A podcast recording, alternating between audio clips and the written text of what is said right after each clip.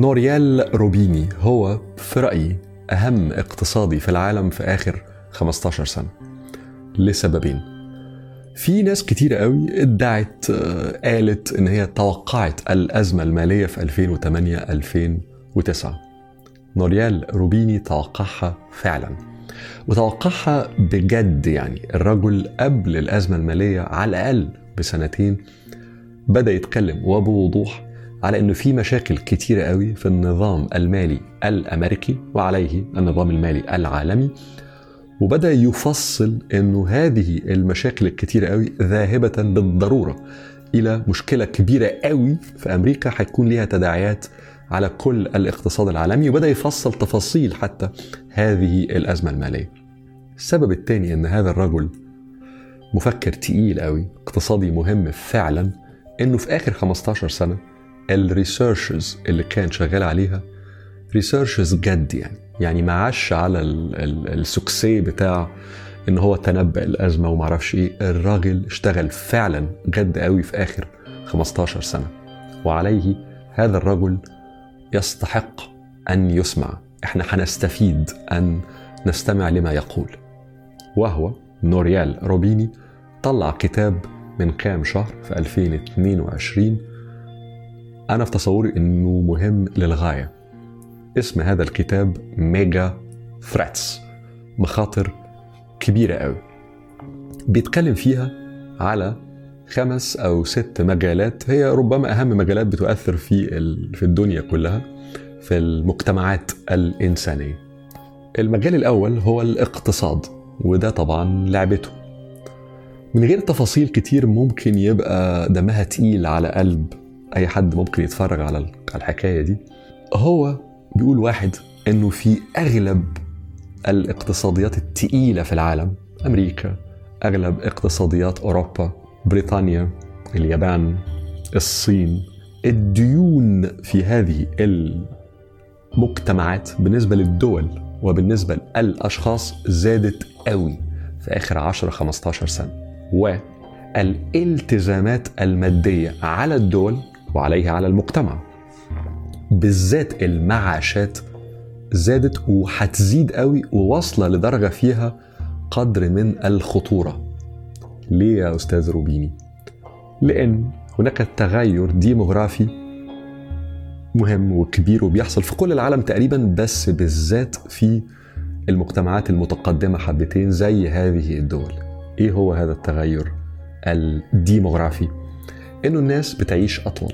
معدلات الحياة السن في هذه المجتمعات بقت تزيد قوي. زمان كانت آخر الستينات وخلاص بيبقى متوقع إنه ده العمر الإنساني. من 10 15 سنة وصلت لمنتصف السبعينات. النهارده في حاجات أطول من كده بكتير. ومع التقدم الصحي والتكنولوجي ومعرفش متوقع إنه معدلات العمر تزيد قوي.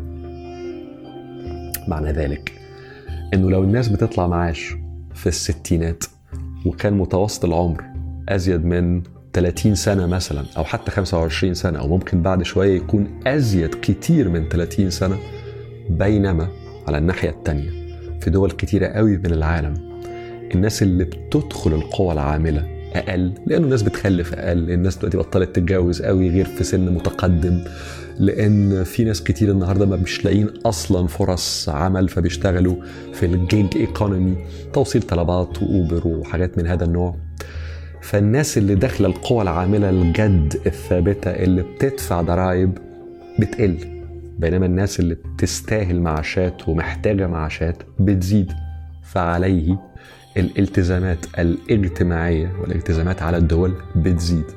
مع الديون المشكلة كبيرة. أضف إلى ذلك أنه في ال 15 سنة اللي فاتت على الأقل بقى في زيادة مهولة في طبع الفلوس. طبعا النهارده الطبع يعني طبع الدولار واليورو والجنيه الاسترليني والين ما بقاش طبع طبع كاش لكن بقى digital بتخلق فلوس كده في ال system من ال computers. ليه طيب؟ ليه تم خلق هذا الكميات المهولة من العملات دي في ال 15 سنة اللي فاتت؟ تريليونات يعني. لأن الدول محتاجة إن هي تصرف. فمحتاجة إن هي تصرف بتطبع فلوس بتخلق فلوس. ده خلى في تساؤلات حول القيمة الحقيقية وراء الكثير من هذه العملات. لأي حد مهتم شوية بال monetary system بالنظام العالمي هيبقى عارف غالبا أو يستاهل يعرف إنه أغلب العملات كانت زمان وراها حاجة بتحمي هذه العملة. تقيم العملة بإنه وراها ذهب مثلا. لكن على الأقل من 40 سنة أغلب العملات ما بقاش وراها ذهب ولا حاجة. بقت مجرد عملة ورقية أو عملة النهارده على السيستم. اللي بيديها قيمة هو ثقة الناس بإنه هذه العملة لها قيمة. فاللي بيقوله روبيني هنا أو الفكرة الرئيسية هي إنه مع خلق كميات كبيرة جدا من الفلوس في ال 15 سنة اللي فاتت في تساؤلات حول ثقة الناس أو الثقة في ال system بشكل عام في هذه العملات. بالإضافة إلى الحكاية دي في تساؤل أيضا حول ال productivity بمعنى إن إحنا بقالنا على الأقل 20 سنة في العالم النهارده في تقدم تكنولوجي رهيب. حاجة خرافية يعني. من أول ظهور الإنترنت إلى ما تلاها حاجات مهولة. ولكن روبيني بيلفت النظر إلى نقطة تستاهل قوي التفكير إنه مفيش ما يقابل ال technologies الرهيبة دي مفيش ما يقابلها زيادة في الإنتاجية في ال productivity. ممكن حد يقول طب إيه يعني أهمية ال productivity دي؟ ال productivity واحدة من أهم الحاجات اللي ورا فكرة النمو الاقتصادي اللي هي واحدة من أهم الحاجات اللي بتزود الكيكة بتخلي المجتمع عنده ثروة أكبر. فإذا ما كانش فيه إنتاجية محترمة مفيش نمو محترم مفيش ثروة بتتولد في هذا المجتمع. معنى ذلك انه ممكن جدا مجتمعات النهارده غنية وعندها قدرة إن هي تصرف وعندها قدرة إن هي تقول مفيش مشكلة أنا هبص على المعاشات ما عنديش مشكلة في زيادة الديون ممكن قوي بعد سنوات ليست كثيرة قوي تبقى هذه المجتمعات مش على درجة الثراء اللي كان عندها قبل ذلك. كل القصة دي تقول إنه ممكن قوي يكون هناك هزات تقيلة في اقتصاديات تقيلة. القصة دي تؤثر قوي قوي على الاقتصاد العالمي بشكل عام. خلصنا القصة دي. يروح روبيني واخدنا من مجال الاقتصاد إلى السياسة. وهو برضه بيبص على الدول التقيلة قوي على أمريكا على دول كثيرة في أوروبا على بريطانيا على اليابان على دول مختلفة في آسيا بالذات على الهند.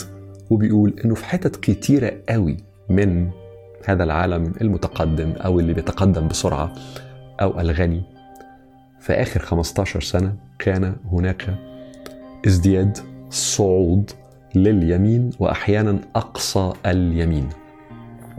ده في حد ذاته تهديد جد للل liberal democracy للديمقراطية الليبرالية. اللي هي في حد ذاتها شيء عظيم ورائع لكن بالإضافة إلى ذلك إذا حدث فيها ضربة أو على الأقل صدمة لل لفكرة ال liberal democracy في هذه المجتمعات التقيلة قوي الغنية المتقدمة و ممكن جدا النظام السياسي في هذه الدول نفسه يتهز.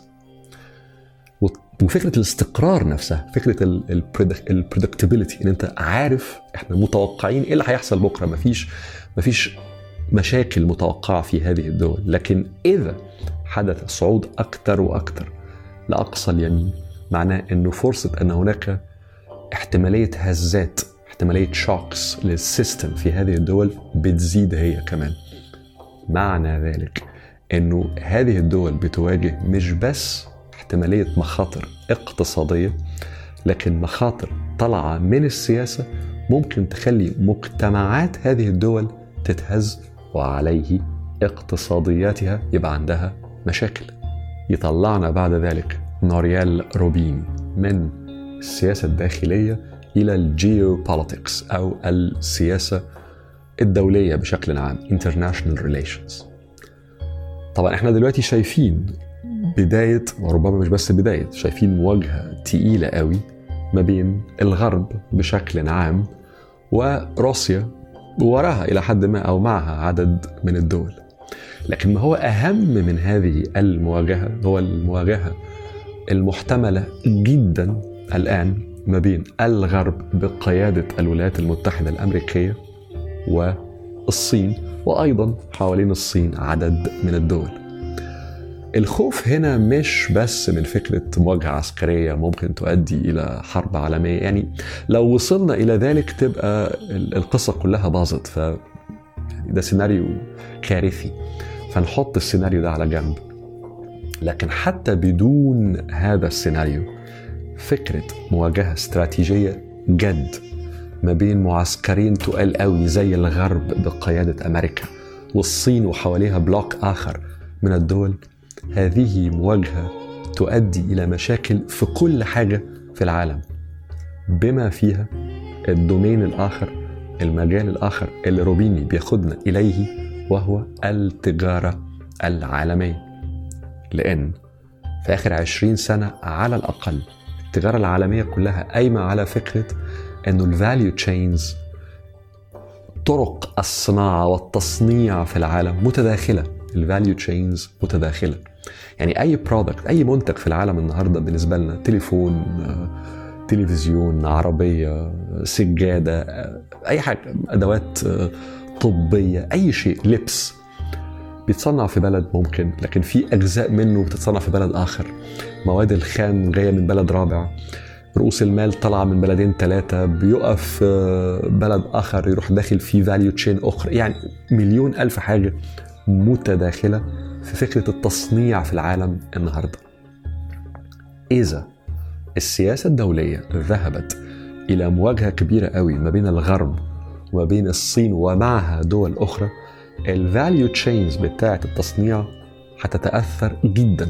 أولا لأنه في تصنيع كبير جدا في العالم بيحدث في الصين أو في دول قريبة من الصين.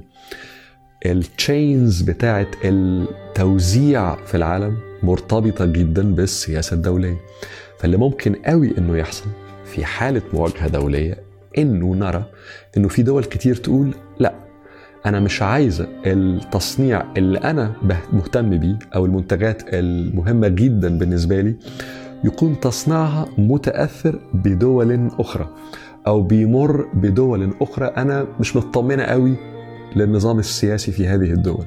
فهذه الدول تبتدي تعمل اونشورنج تبتدي إن هي تقول لأ أنا عاوز أصنع عندي أو أصنع في دول أنا قريبة منها سياسيا.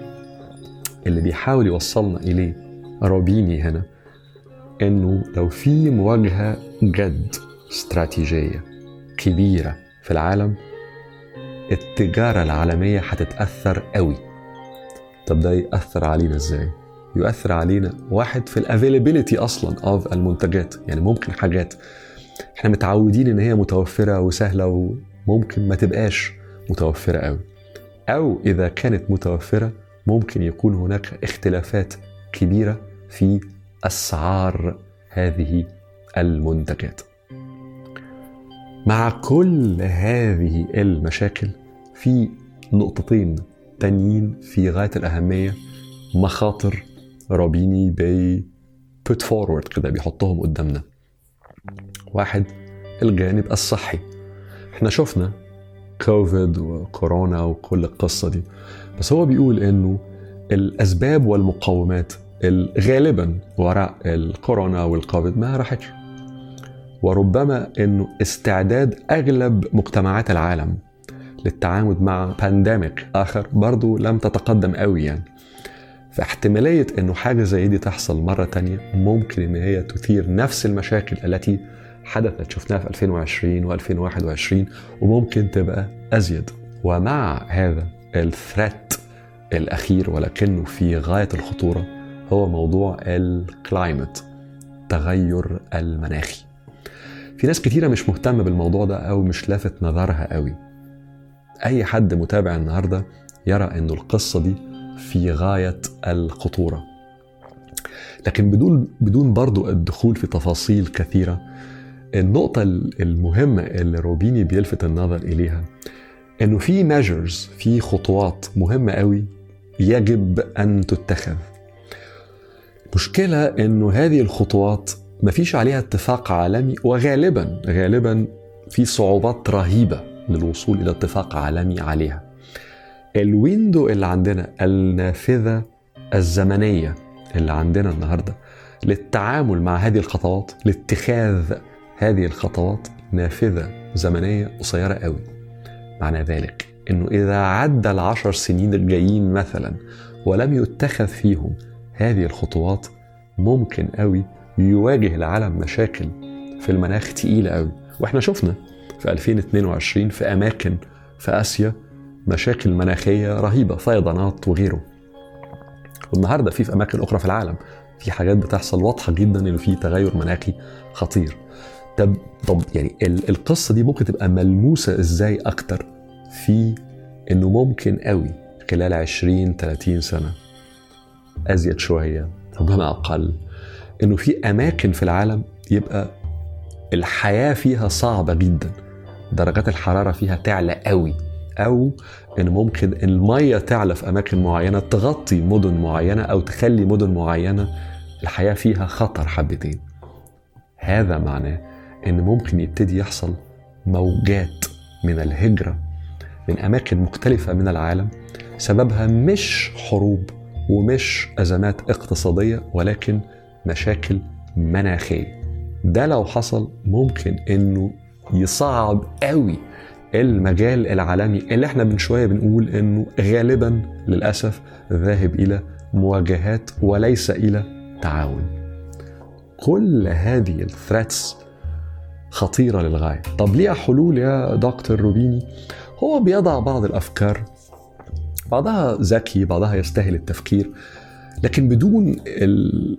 بصراحة يعني مش كلها برضو حاجات حلول يعني الرسالة الرئيسية من هذا الكتاب هي رسالة تحذيرية لكن بشكل عام أي حد مهتم بالشأن العالمي أنا في رأيي يستاهل إنه يلقي نظرة على تفكير واحد زي نوريال روبيني لأن ال track record بتاعه اللي عمله قبل كده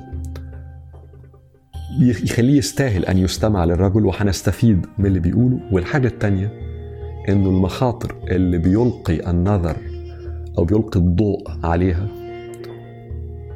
لو حصلت أو حصلت كومبينيشن منها مزيج منها تداعيات القصة دي على أي حد في العالم تداعيات خطر. تداعيات جد يعني. نوريال روبيني بيسموه دكتور دوم يعني راجل كده دايما بيضلم الدنيا. فمش عاوزين نضلم الدنيا ولكن التعرف على تفكير هذا الرجل يستاهل. يعني هناك فائدة من التعرف على ما يقول هذا الرجل. لأنه مرة تانية تداعيات المخاطر اللي بيثيرها جد قوي